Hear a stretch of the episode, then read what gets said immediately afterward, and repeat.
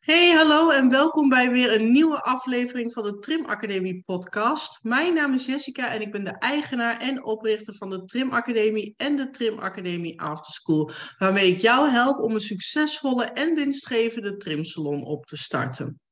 En vandaag gaan we het over werkstress hebben. En daarvoor heb ik mijn gast Uridis Janga uitgenodigd, want zij is echt de expert op dit vakgebied. Uri, wil jij jezelf even voorstellen? Ja, Jessica, dankjewel. Hallo, mijn naam is Uridice Janga en um, ik ben de werkenergie-expert. En inderdaad, hoe kun je van werkstress gaan naar een situatie waarmee je, waarmee, waarbij je weer met energie kunt gaan werken? En uh, wat ik belangrijk vind daarbij is dat je energiek je werkdag kan starten. Dus dat je energiek je bed uitkomt en zin hebt om je werkdag te beginnen. Maar ook dat je energiek weer de, uh, de deur dicht doet en de dag afsluit, zodat je kunt genieten van je privéleven. Dus dat is eigenlijk in, in het kort waar ik, me, waar ik me mee bezighoud. Nou, dat is een hele mooie missie. Maar kun je misschien ook vertellen hoe, hoe dit jouw missie is geworden? Want het ja. is nou niet iets waarvan je denkt, nou, super sexy onderwerp om het eens over te gaan hebben. Dus je moet er echt een bepaald gevoel en een echte missie voor hebben om hiermee aan het werk te gaan. Ja, klopt. Nou ja, ik, um, ik heb 17 jaar gewerkt in het bedrijfsleven. En wat ik eigenlijk daar heb gezien is uh, van mezelf, maar ook van de mensen om me heen, is dat er heel veel ambitieuze mensen zijn. En heel veel loyale mensen en die vervolgens heel hard werken voor een organisatie. En er is eigenlijk helemaal niks mis mee, zolang dat eigenlijk niet in de knel komt met jouw ja, eigen energie. En dat is waar die um, ja, soms wel gaat schuren, of ja, ik zeg soms geregeld als je kijkt naar de cijfers. Want de burn-out cijfers die nemen eigenlijk de afgelopen jaren alleen maar toe. Uh, vorig jaar heeft TNO een onderzoek gedaan. Er zijn 1,3 miljoen mensen met burn-out klachten. En 37% van de mensen die ziek zijn, die heeft zich ziek gemeld vanwege werkstress of werkdruk. Nou, dat is gigantisch. En um, ja, wat ik daarin eigenlijk zag, is dat mensen die hart hebben voor de zaak, dus ik uh, tik even op mijn hart, die heel veel liefde hebben voor de zaak, voor hun uh, bedrijf, voor, hun, ja, voor de functie die ze uitoefenen. En vervolgens ook heel hard daardoor gaan werken dat die zichzelf eigenlijk verliezen. En um, ja, dat vind ik, uh, vind ik zonde. Dus wat ik eigenlijk heb uh, gedaan, want mijn hart ging eigenlijk altijd al aan van coaching, ook al werkte ik daar niet mee. Ik uh, was beleidsadviseur wel altijd in het gebied uh, arbeidsvoorwaarden, arbeidszaken, dus uh, het speelveld van werkgevers en, uh, en medewerkers. Maar ik ben op een gegeven moment coaching daar dus naast gaan zetten en voor mezelf op gaan bouwen naast mijn loondienstbaan. Omdat ik echt vind, als ik kijk naar de cijfers, naar de maatschappelijke ontwikkelingen, dat het echt anders kan. En daar wil ik heel graag een bijdrage aan leveren. Nou, dat is echt een super mooie missie. Maar heb je zelf ook ervaring met burn-out? Nou, niet zozeer met een burn-out. Ik heb geen burn-out gehad, maar ik heb wel de situatie gehad dat ik eigenlijk merkte dat ik mijn werk, mijn prioriteit van mijn werk, eigenlijk boven mezelf heb gesteld. Dus op een gegeven moment merkte ik dat ik een energielek had, dat ik, uh, ja, ik noem het energielek, dat ik moe was, dat ik er tegenop begon te kijken om naar mijn werk te gaan. En ook dat de ja, werkdruk, eigenlijk de hoeveelheid werk die er lag, dat die echt een negatieve impact had op mijzelf en daarmee ook op mijn leven. Dus op een gegeven moment ben ik, um, ja, kwam ik eigenlijk zelf tot de conclusie van, goh, ja, wat, wat, wat moet ik hiermee? Uh, wat wil ik hiermee? Dus wat ik zeg, ik ben niet uitgevallen, maar ik merkte wel, als ik zo door blijf gaan en zo door blijf lopen, dan gaat dat echt ten koste van mijn gezondheid. En um, ik had op een gegeven moment had ik het gevoel van ja, uh, ik ben wel gewisseld uh, ook een keer van baan. Van nou, dat ligt dan aan die werkgever. Hè? Dat is wat je eigenlijk heel vaak ziet gebeuren. Dat mensen in eerste instantie um, nou ja, de oplossing of de oorzaak, de oorzaak en daarmee de oplossing buiten zichzelf zoeken. Um, maar toen ik in mijn, uh, in mijn nou ja, derde baan, maar tweede baan waar ik daar uh, dan mee te maken heb gekregen, toen ik dat tegenkwam, toen dacht ik wel van nou, dit heeft niet zozeer te maken met het werk. Natuurlijk heeft het ook te maken met werk, maar dit is ook iets in mij. En iets in mij wat heel graag nou ja, haar best wil doen en heel graag resultaten wil, neer, wil neerzetten. En daarmee eigenlijk niet um, ja, ik zeg even niet goed, de connectie met mezelf dan behoudt om op tijd op de rem te gaan staan, zodat het niet die impact op mezelf heeft. En dat is dus ook wat ik nu doe in mijn coachingsprogramma's. Want het herstellen van werkstress en werkdruk, we denken altijd van nou, dan ga je minder werken en dan ga je beter je grens aangeven. Dat klopt, dat zijn symptomen, maar in de basis zit het op een diepere laag. En de kernoplossing zit in het herstellen van de, ja, de connectie met jezelf. Ja, als ik zo terugkijk in mijn leven, was dat ook bij mij het geval. Ik heb twee keer, nou, ik, heb, ik ben ook nooit uitgevallen uiteindelijk. Maar uh, je, nou ja, ik heb al het gevoel, op het moment dat je eigenlijk helemaal opgebrand bent, dan is voor mij eigenlijk al, dan heb je al een burn-out. Je hoeft nog niet uit te vallen, vind ik. En dan ben je eigenlijk al zo ver over je grens heen gegaan. Ik merk wel, denk dat heel veel trimmers daar ook last van hebben. Want ze zijn natuurlijk allemaal, nou ja, ik denk 90% van de trimmers zijn allemaal zelfstandig ondernemers, hebben een eigen bedrijf. Dus dat hart hebben ze ook voor de zaak, maar niet alleen voor de zaak. Uh, ook natuurlijk voor de klanten, want ze zijn echt people pleasers over het algemeen. En ze zijn ook nog eens dol op de hondjes. Dus ze kunnen, als ze al gaan inderdaad heel vaak over hun eigen grenzen, omdat ze geen nee kunnen zeggen tegen de klanten. En als ze dan wel nee tegen de klanten kunnen zeggen, dan doen ze dat maar niet omdat ze dat niet, ja, niet eerlijk naar de hondjes uh, vinden. Dat ze die moeten teleurstellen, zeg ja. maar. Ja, heel herkenbaar. Ja, en zo heeft iedereen natuurlijk, in elke baan heb je factoren. Inderdaad, wij hebben dan minder een baas die ons met heel veel werkdruk opzadelt. Maar wij doen dat, als ik ook terugkijk naar mezelf, wij doen dat vooral onszelf aan. Omdat we ook allerlei overtuigingen hebben van we moeten hard, vooral hard werken in ons bedrijf in plaats van aan ons bedrijf. Uh, weet je, ja, we, we willen iedereen het naar de zin maken. Ja. En inderdaad, waar ben je zelf in dat hele verhaal? Ja, nou ja, klopt. En je zegt het eigenlijk al heel mooi. We hebben een overtuiging. En dat geldt eigenlijk voor iedereen die eigenlijk met dit thema in aanraking komt. Er zitten overtuigingen, en dat zijn onbewuste overtuigingen die we vanuit ons jeugd hebben meegekregen. En uh, ja, 95% van ons gedrag wordt gestuurd vanuit ons onbewuste. Dus het gaat om onbewuste patronen, onbewuste overtuigingen, uh, normen, waarden, ervaringen die je eigenlijk uh, mee hebt gemaakt. Ja, en dat zijn dan, ik noem het dan triggers. En dat is niet anders dan een situatie die zich voordoet waarmee je systeem eigenlijk een bepaalde reactie krijgt. Daar zitten dan stresstriggers in en dat rolt er dan zo uit. En, en de basis is altijd, daarom zei ik ook van ja, het begint met herstellen van, uh, van de connectie en eigenlijk de relatie met jezelf. Um, ja, daar zit hij eigenlijk op. Ja, ja en ik, ik, ik zeg het wel eens, het klinkt altijd heel oneerbiedig en dat bedoel ik niet uh, zo hoor, want ik breken ook weer bij mijn, mijn vroegere zelf af. Niet dat, dat het nu misschien niet is, maar weet je, heel veel mensen die juist met dieren werken, of in de dieren werken, daar is altijd iets mis mee, tussen aanhalingstekens. Doe even mijn vingers zo omhoog. Weet je, en met iedereen is er natuurlijk wat mis. Ook ja, als je niet. Normaal. ja, precies. Dus dat zeg ik, dat klinkt weer zo onaardig of oneerbiedig of neerbuigend. Dat is het absoluut niet. Maar ik merk wel uit mijn eigen ervaring, dus ook als ik naar mezelf kijk, naar mijn vroegere zelf van 16 jaar geleden, toen ik mijn eigen trimsel startte. Bijna al die want het zijn voornamelijk vrouwen ook nog. Dus dat is ook weer heel typisch natuurlijk. Die hebben Ah, ja, natuurlijk ja. weer heel andere overtuigingen en patronen dan mannen. Tenminste, dat denk ik. Ik weet niet of jij daar uit ervaring wat over kan zeggen. Nou, het brein van vrouwen werkt wel anders dan uh, van mannen. En uh, dat zijn redelijk, nou ja, ik zeg jonge onderzoeken die dat eigenlijk laten zien. Maar ook het hele stresssysteem van vrouwen en, en, natuurlijk het hele hormoonsysteem, nou dat weten we dan wel. Maar uh, dat werkt dus echt anders dan bij mannen. Dus ook hoe eh, vrouwen stress ervaren, hoe het ja, ons brein eigenlijk informatie verwerkt, is wel anders dan bij, bij mannen, ja. Ja, ik denk dat de meeste vrouwen ook nog veel meer ballen hoog hebben te houden dan mannen over het algemeen. Van mannen is het meer algemeen geaccepteerd dat hij naar zijn werk gaat, dat hij thuis komt. Dan helpt hij ook wel in huis. Maar vrouwen hebben nog veel meer het verantwoordelijkheidsgevoel van ik moet en mijn werk doen en ik moet voor de kinderen zorgen en ik moet het huishouden doen en ik moet dit, dit, dit, dit. dit. Ja, Dat- en dat is precies wat jij zegt en dat is interessant. Want is dat zo of is dat een verhaal wat je jezelf vertelt? En vanuit de historie is het natuurlijk helemaal niet gek hè, dat wij als vrouwen dit zo voelen en ervaren en eigenlijk die lat zo ontzettend hoog leggen voor onszelf. Want we komen natuurlijk uit de situatie waarbij de man kostwinnaar was en de vrouw eigenlijk thuis, de, de thuismanager was en thuis alles regelde. Ehm, ja, en daar is op een gegeven moment is werken voor een vrouw, is daar, zo zie ik het dan, dat is dan mijn ervaring, is daar eigenlijk bijgekomen. En er is vervolgens eigenlijk niks van afgegaan.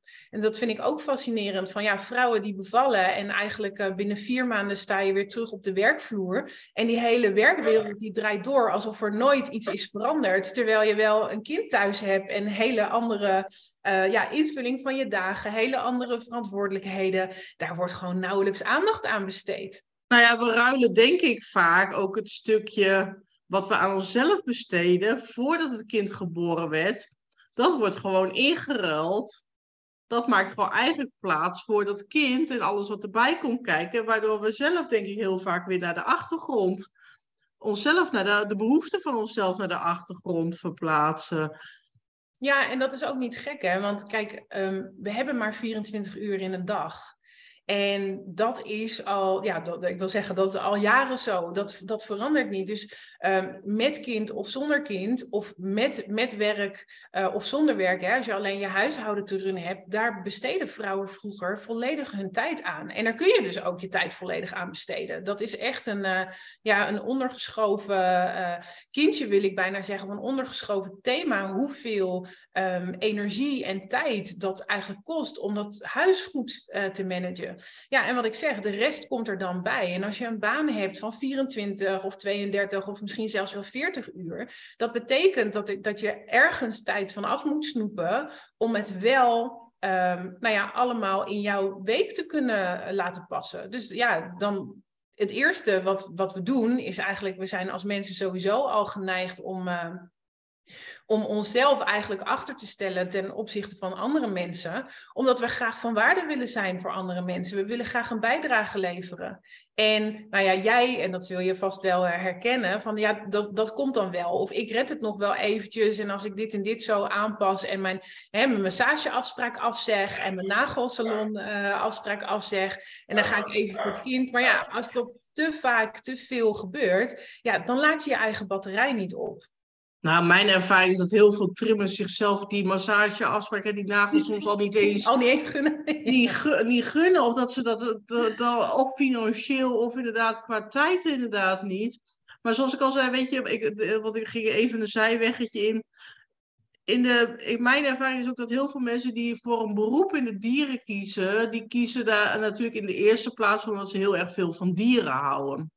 Maar in de tweede plaats ben ik er ook heel erg van overtuigd dat ze voor zo'n beroep kiezen, omdat ze eigenlijk de aandacht van zichzelf onbewust oh, hè, willen afhalen. Dus niet eens bewust, maar net zoals dat heel veel mensen die in de zorg werken dat ook hebben. Weet je, die willen graag zorgen. Dus de prioriteit ligt niet op hunzelf, want ze willen graag voor iemand anders zorgen. En uh, vanuit, nou ja, een vaak een onbewuste overtuiging van ja, weet je, ik doe er niet toe of ik stel anderen boven mezelf. En ja, die gaan dat ook gezien worden bijvoorbeeld. ja. Dat ook een overtuiging zijn van ze zagen mij niet, dus ik heb mezelf klein gemaakt eigenlijk vanaf vroeger. Ja, of mijn behoeftes doen er niet toe. Ja, of inderdaad, ik wil voor iemand zorgen, want dan word ik wel gezien of dan doe ik er wel toe. En dat is wat ik wel echt uh, en ik neem natuurlijk mijn hele eigen bagage hier ook gewoon mee. Ik reken bij mezelf af, weet je. Nou zeg ik, het klinkt zo oneerbiedig om te zeggen van, weet je, er is iets mis met mensen die in de dieren werken. Nou, nee, met iedereen is wel iets mis. Weet je, uh, iedereen heeft zijn eigen traumaatjes, zijn overtuigingjes, patroontjes. Ook als je wel, uh, nou ja, weet ik veel wat. Ja, het is juist, ik las, hoorde trouwens gisteren op een andere podcast volgens mij was het bij Koekeroe, bij Giel, dat juist al die mensen die juist op hele hoge functies, op hele grote corporate bedrijven, of juist die high rollers, zeg maar, die juist heel erg de neiging om te willen presteren hebben, daar, als je daar een psycholoog op los zou laten, dat met die mensen over het algemeen meer is. Tussen aanhalingstekens. Want die doen dat, presteren vanuit een bepaalde overtuiging of een trauma of een combinatie van die dingen, zeg maar. En dat, dat zie je natuurlijk in onze beroepsgroep ook. We willen heel graag voor de dieren zorgen, voor de mensen zorgen. Maar het gaat er heel vaak ten koste van onszelf, waardoor heel veel mensen natuurlijk maar door blijven gaan. En waar iemand anders, als, zeker als je ook voor een baas werkt, dan heb je misschien nog zoiets van, nou, ik blijf vandaag een dagje thuis hoor. Want uh, ja, dan word, ik word toch wel doorbetaald. En als je dan je eigen baas bent, dat betekent niet werken betekent ook gewoon geen inkomen. Ja, klopt. Ja. Dus dan ben je toch, denk je, ja, nou, ik gooi er nog wel een paar paracetamolletjes in en uh, ik uh, ga op tijd naar bed en ik, nee, weet ik veel wat, ik stoom nog een keer dit en ik doe nog een keer zo en morgen dan ga ik al die honden nog een keer trimmen en dan stort ik wel weer in als ik thuis ben. Weet je, terwijl als je dat zou zeggen dat jij dat voor een baas zou doen, dan zou iedereen tegen je zeggen dat je niet helemaal goed bij je hoofd bent. Ja, en, en wat, wat ik denk is dat dit ook in loondienstbedrijven wel gebeurt. Um, dat mensen in eerste instantie geneigd zijn om door te lopen. Want je, je hebt je verantwoordelijkheidsgevoel, je hebt je loyaliteit en je hebt je taken en je opdrachten die je, die je af wil ronden. En wat ik net zei, we willen allemaal uh, in de basis willen we van waarde zijn voor andere mensen. We willen in verbinding staan uh, met andere mensen en wij willen niet afgewezen worden, vooral door uh, door andere mensen. Dus in de basis uh, zal um, uh, nou ja, ik zeg even iedereen uh, dat wel zou willen doen. Uh, maar als zelfstandig ondernemer komt daar op een gegeven moment, als je merkt dat het echt begint te piepen en te kraken en nou ja, het houdt niet over, je merkt dat het eigenlijk niet meer kan, dan komt daar wel een andere afweging bij. En dat is degene die jij net noemt, van ja, als ik me nu ziek meld, of als, ik, als ik me nu ziek meld, als ik er nu gewoon niet ben en mijn afspraken afzeg, heb ik gewoon geen inkomsten. Dus dat is een extra afweging waar, waar je als zelfstandig ondernemer wel um, ja, op een gegeven moment rekening mee houdt en toch een afweging in maakt. Ja, en er geen inkomsten. Nou, als je pech hebt, gaan je klanten ook nog naar iemand anders toe. Uh, komen ze niet meer terug. Nou ja, die zitten ook weer heel gauw in dat tekort. Terwijl ja. ja, als je klanten natuurlijk zo makkelijk gaan lopen als je een keer ziek bent, moet je je ook afvragen in hoeverre dat dan ook je ideale klanten is. Dus waarom zou jij dan drie slagen in de ronde werken voor iemand die ook niet loyaal naar jou is? Ja, dat is natuurlijk weer een ander verhaal. Ja, klopt. Ja. ja, en nog even inhaken, want jij zegt zo mooi van ja, er is met iedereen wel mis, iets mis. Um, ik zeg altijd, iedereen heeft een eigen unieke uh, ja, handleiding eigenlijk. En uh, dat is inderdaad opgebouwd, dat is eigenlijk wat jij ook net zei, van dat is opgebouwd vanuit je trauma's, vanuit je ervaringen, vanuit um, ja, alles wat je hebt, uh, hebt meegemaakt. En ik vind het zo interessant om met mensen te kijken van ja, hoe zit jij nou, hoe zit jouw unieke handleiding nu in elkaar? Wat, voor wat betreft stress, hè? wat zijn jouw stresstriggers? Want wat jij stressvol vindt, hoeft voor mij helemaal niet stressvol te zijn, of hoef ik helemaal niet stressvol te vinden. En uh, andersom ook. Maar ook, hoe ziet jouw unieke handleiding eruit voor wat betreft het opbouwen van jouw energie? En um, ons systeem, ons lichaam is een prachtig informatiesysteem. Uh, maar mijn stelling is wel dat we eigenlijk collectief gezien zijn we die hele connectie gewoon kwijt. En als je kijkt naar een telefoon, die geeft heel makkelijk aan, ja, 30%, dan weet je, oeh, nou, ik, uh, weet je wel, ik kan nog wel een uurtje vooruit, maar dan moet ik hem op gaan laden. Maar het wordt ons eigenlijk helemaal niet meer geleerd uh, op school uh, of, uh, of thuis. Van ja, hoe zit dat nou voor jezelf? En wanneer, welke signalen zijn voor jou relevant om, om te voelen en, en om op te letten van nu moet ik mijn eigen batterij gaan opladen. Nou ja, ik zei het ook niet helemaal goed. Ja, dat is goed dat je het even aanzet. Er is helemaal niemand uiteindelijk wat mis. Helemaal holistisch bekeken is natuurlijk... Ik weet hoe je het bedoelt, ja. Ja, nee, maar het is wel even belangrijk om dat ook te noemen. Zeker voor iemand die natuurlijk zelf in de opleiding is tot holistisch therapeut. Dat ik denk, dat heb je niet helemaal goed gezegd. Even, even een kleine rectificatie. Er is natuurlijk niks mis, want iedereen is goed zoals die is en je bent al heel... Alleen we inderdaad, we hebben allemaal dingen waar we tegenaan lopen, blokkades en zo. Dus ik, ja, op, ik moest dat even rephrase. Maar inderdaad, ik vind het wel mooi dat je dat erbij pakt van we leren dat niet meer in verbinding te staan met ons lijf. Dat ons lijf eigenlijk het. Uh, want denk dat gewoon heel veel mensen dat ook zich helemaal gewoon niet bewust van zijn. Ik zie dat bijvoorbeeld nu bij mijn jongste, die is vier. Die is eind oktober naar school gegaan. En ik heb, ben nu echt al vier keer op school geweest, omdat Chris, uh, nou ja, hij gedraagt zich niet volgens de norm, weet je. Oké, hij mag niet met snoeptomaatjes gooien. Nee, dat mag ook niet. Hij mag ook niet. Maar ik denk, misschien dat kind is gewoon helemaal moe, overprikkeld, ja. et cetera. Ga eens kijken, niet alleen kijken welk gedrag hij vertoont en wat er niet volgens de maatstaven is, maar kijk eens wat de onderliggende oorzaak ook is. En ik snap in het onderwijs ook bijvoorbeeld te zeggen heel lastig, want die klassen worden ook helemaal steeds groter. Dus voor de juf is het natuurlijk ook niet haalbaar, maar voor die kinderen wordt het ook al heel erg verschrikkelijk. Alleen al op dat punt is het, ze moeten aan al, al dan worden ze al in een keurslijf gedrukt van oké, zo moet je je gedragen en als je buiten die norm valt, dan ben je eigenlijk alweer niet normaal. Ja. Dus Terwijl... Ja, krijg je een stempel eigenlijk. Hè? Je krijgt al heel snel of een stempel, je krijgt al heel snel een label eigenlijk, of een labeltje dan, uh, dan opgeplakt. Ja, en ik, ik vind het fascinerend uh, aan de ene kant. Maar aan de andere kant vind ik ook echt dat hier ontzettend veel werk uh, te doen is voor ons als maatschappij om dat anders in te vullen. En um, ja, jij hebt nu hè, ik zei over schoolkinderen, jij noemt nu het voorbeeld van, van Chris. Ja. Nou ja, ik, ik zie dat ook om mij heen gebeuren. En tegelijkertijd zie ik ook dat de ouders van de kinderen uh, die connectie met zichzelf helemaal kwijt zijn. En daarin dus ook niet het goede voorbeeld kunnen geven. Ja, en dat is wel een stuk waar ik mee, um, ja, mee aan de slag ben en we graag een bijdrage voor of aan wil leveren, moet ik zeggen. En dat helpt de kinderen uiteindelijk ook weer. Hè? Want als jij een moeder hebt die gelukkig is in connectie met zichzelf, die precies kan aanvoelen van oké, nu ga ik over mijn grens heen. Of nu is het niet zo handig om uh, nou ja, deze activiteit te doen of om door te blijven lopen. Uh, dat betekent niet dat je, het niet, uh, dat je alles af moet zeggen. Um, het betekent wel dat je bij jezelf kan kijken van oké, heeft dit voor mij nu op dit moment echt prioriteit om die activiteiten wel voor te zetten? Wetende dat ik mijn batterij er eigenlijk mee in de min uh, trek. Um, en ga ik dat daarna compenseren? Dus je kan veel beter een afweging maken voor jezelf, eigenlijk een keuze, dus dat onbewuste bewust maken, om te kijken hoe je dat in wil gaan vullen. En ik denk als wij uh, dat als ouders uh, goed leren, dat we dat alleen maar mooi mee kunnen geven aan onze kinderen.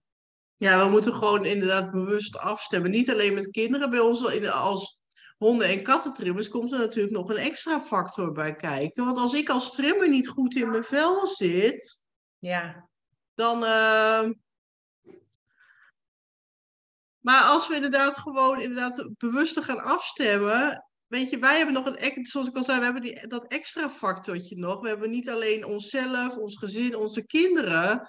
Maar het wordt inderdaad zo'n ripple effect. Als ik maar gewoon niet lekker in mijn vel zit, dan gaan mijn klanten dat ook aan mij merken. Maar vooral die honden of die katten die op tafel zijn, want die zijn nog zoveel sensitiever ja. uh, dan alles in je omgeving. Dus die komen al binnen en denken, wow, wat hangt hier voor sfeer. Ja. Maar ook als ik mijn uh, emotionele flexibiliteit of mijn mentale flexibiliteit ook gewoon niet goed is, dan denk ik, hé, wat doe je toch vervelend? Ik wil een raamsticker van je maken. En die hond die denkt alleen maar van ja, ik zit in jouw energie. Ik heb hier hele, ik wil alleen maar weg, weg, weg, weg. Dus wij krijgen, we hebben ook nog eens met die factor natuurlijk te maken. Dus het wordt op, op een gegeven moment ook gewoon zo'n ripple effect. Als je bijvoorbeeld, nou ja, denk maar eens als je s ochtends vroeg naar de, uh, supermarkt gaat en je hebt daar een cashier zitten en die heeft dan echt, die zit daar met zo'n lang gezicht en die maakt geen oogcontact en die is zagrijnig. Nou, als jij dan ook al zo'n dag begint en dus je komt zo eerst zo iemand tegen, dan denk je ook van, nou lekker. Andersom, als wij zo tegen die cashier doen, hetzelfde vooral, die gaat bij de volgende klant ook zo doen. Het wordt gewoon zo'n rimpel-effectje, wat helemaal de verkeerde kant op gaat. Dus het, Weet je, voor de mensen die het dan moeilijk vinden om die ruimte voor zichzelf, denk ik, in te nemen, is het juist, doe het dan niet. Nou ja, altijd moet je het eerst voor jezelf doen, want het is niet voor niks als je in het vliegtuig zit dat je eerst jezelf zuurstof moet geven. Maar als je het dan moeilijk vindt om het voor jezelf misschien te doen, denk dan even net een tandje verder. Doe het dan inderdaad voor al die mensen en de dieren in je eigen omgeving, dat je goed voor jezelf moet zorgen. Ja, ik vind het wel heel mooi wat je zegt, want dat is ook een van de adviezen die ik dan, uh, dan geef. Omdat, um, nou ja, we hadden het er net al over dat uh, moeders wel geneigd zijn om van hun eigen tijd af te snoepen, zodat het naar de tijd van de kinderen toe gaat. En dan zeg ik ook van ja, als, het je, als je het niet kan opbrengen om het voor jezelf te doen, doe het dan in ieder geval voor je kinderen. En uh, jij zegt al van ja, er zit bij ons ook nog een extra element. We zijn heel erg betrokken bij de dieren en bij het welzijn van de dieren. Ja, doe het dan voor de dieren. En um, ja, eigenlijk, het gaat, uiteindelijk gaat het om het veranderen van je gewoontes. En dat is helemaal platgeslagen, dat klinkt heel makkelijk. Daar zitten uh, natuurlijk ontzettend veel uitdagingen in, juist omdat het gaat om onbewuste patronen. Maar als je hem helemaal plat, slaat, gaat het om, uh, ja, om het veranderen van, jou, van jouw gewoontes. Dus ga dat maar gewoon doen. Ga dat maar gewoon proberen te doen. En hoe vaker je dat doet, ook al doe je dat dan misschien voor dieren in eerste instantie, of doe je dat voor de kinderen in eerste instantie, hoe vaker je het doet, hoe makkelijker hoe makkelijker het uiteindelijk ook wordt voor jezelf om dat, um, ja, om dat wel te doen. En, en dus echt wel aandacht te besteden aan jouw eigen energie en wat je daarin uh, nodig hebt om jezelf lekker te voelen. Ja. Nou ja, dit is natuurlijk een onderwerp waar we heel erg diep op in kunnen gaan. En dat gaan we ook, maar niet in deze podcast. Want uh, ja, daar is het gewoon veel te uitgebreid voor. Um, dus dit, deze podcast is ook mooi even een opstapje om uh, de introductie te doen van ons uh, webinar voor de Trim Academie After School. Nou ja, hoe je dus van werkstress naar werkenergie kan gaan. Dus ik wil je voor nu ook even heel erg bedanken voor jouw mooie introductie aan even vertellen van je missie en al even, nou ja, toch al wat voorzetjes geven hoe je dus van werkstress naar werkenergie kan gaan. Uh, maar voor degenen die luisteren, denken van, oh, ik wil hier meer over weten, ik wil je mee aan de slag gaan. Kijk eens even op www.trimacademie.nl slash afterschool. Dan kun je inschrijven of voor het losse webinar over werkstress. Um, of uh, in de afterschool, dus uh, dan is het onderdeel van de afterschool. En, even, en het wordt ook een onderdeel van mijn programma Holistisch Trimmen. Dus uh, ondernemen vanuit rust en uh, ook leven, dat je leven wat meer in rust mag zijn. Dus Uri, heel erg bedankt. Graag gedaan. Jij ook bedankt. Bedankt voor de uitnodiging. En uh, ik hoop echt, nou ja, dat we heel Nederland, heel België, iedereen die deze podcast mag horen, maar ook iedereen die jou gaat volgen, uh, dat we allemaal zonder werkstress, met heel veel werkenergie, ons geliefde liefdeswerk allemaal mogen uitvoeren. Kunnen mensen je nog ergens volgen op socials of uh, website? Ja, mijn website is www.uri.nl, E-U-R-Y.nl. En via Instagram uh, kun je mij vinden als Uridice uh, werkenergie-expert. is makkelijker om te zoeken op werkenergie-expert. En uh, mijn achternaam is Yanga, dus op LinkedIn kun je mij vinden als Uridice Yanga. Oké, okay, nou dankjewel. En tot de volgende podcast zou ik zeggen. Je werk vind je kracht in je passie.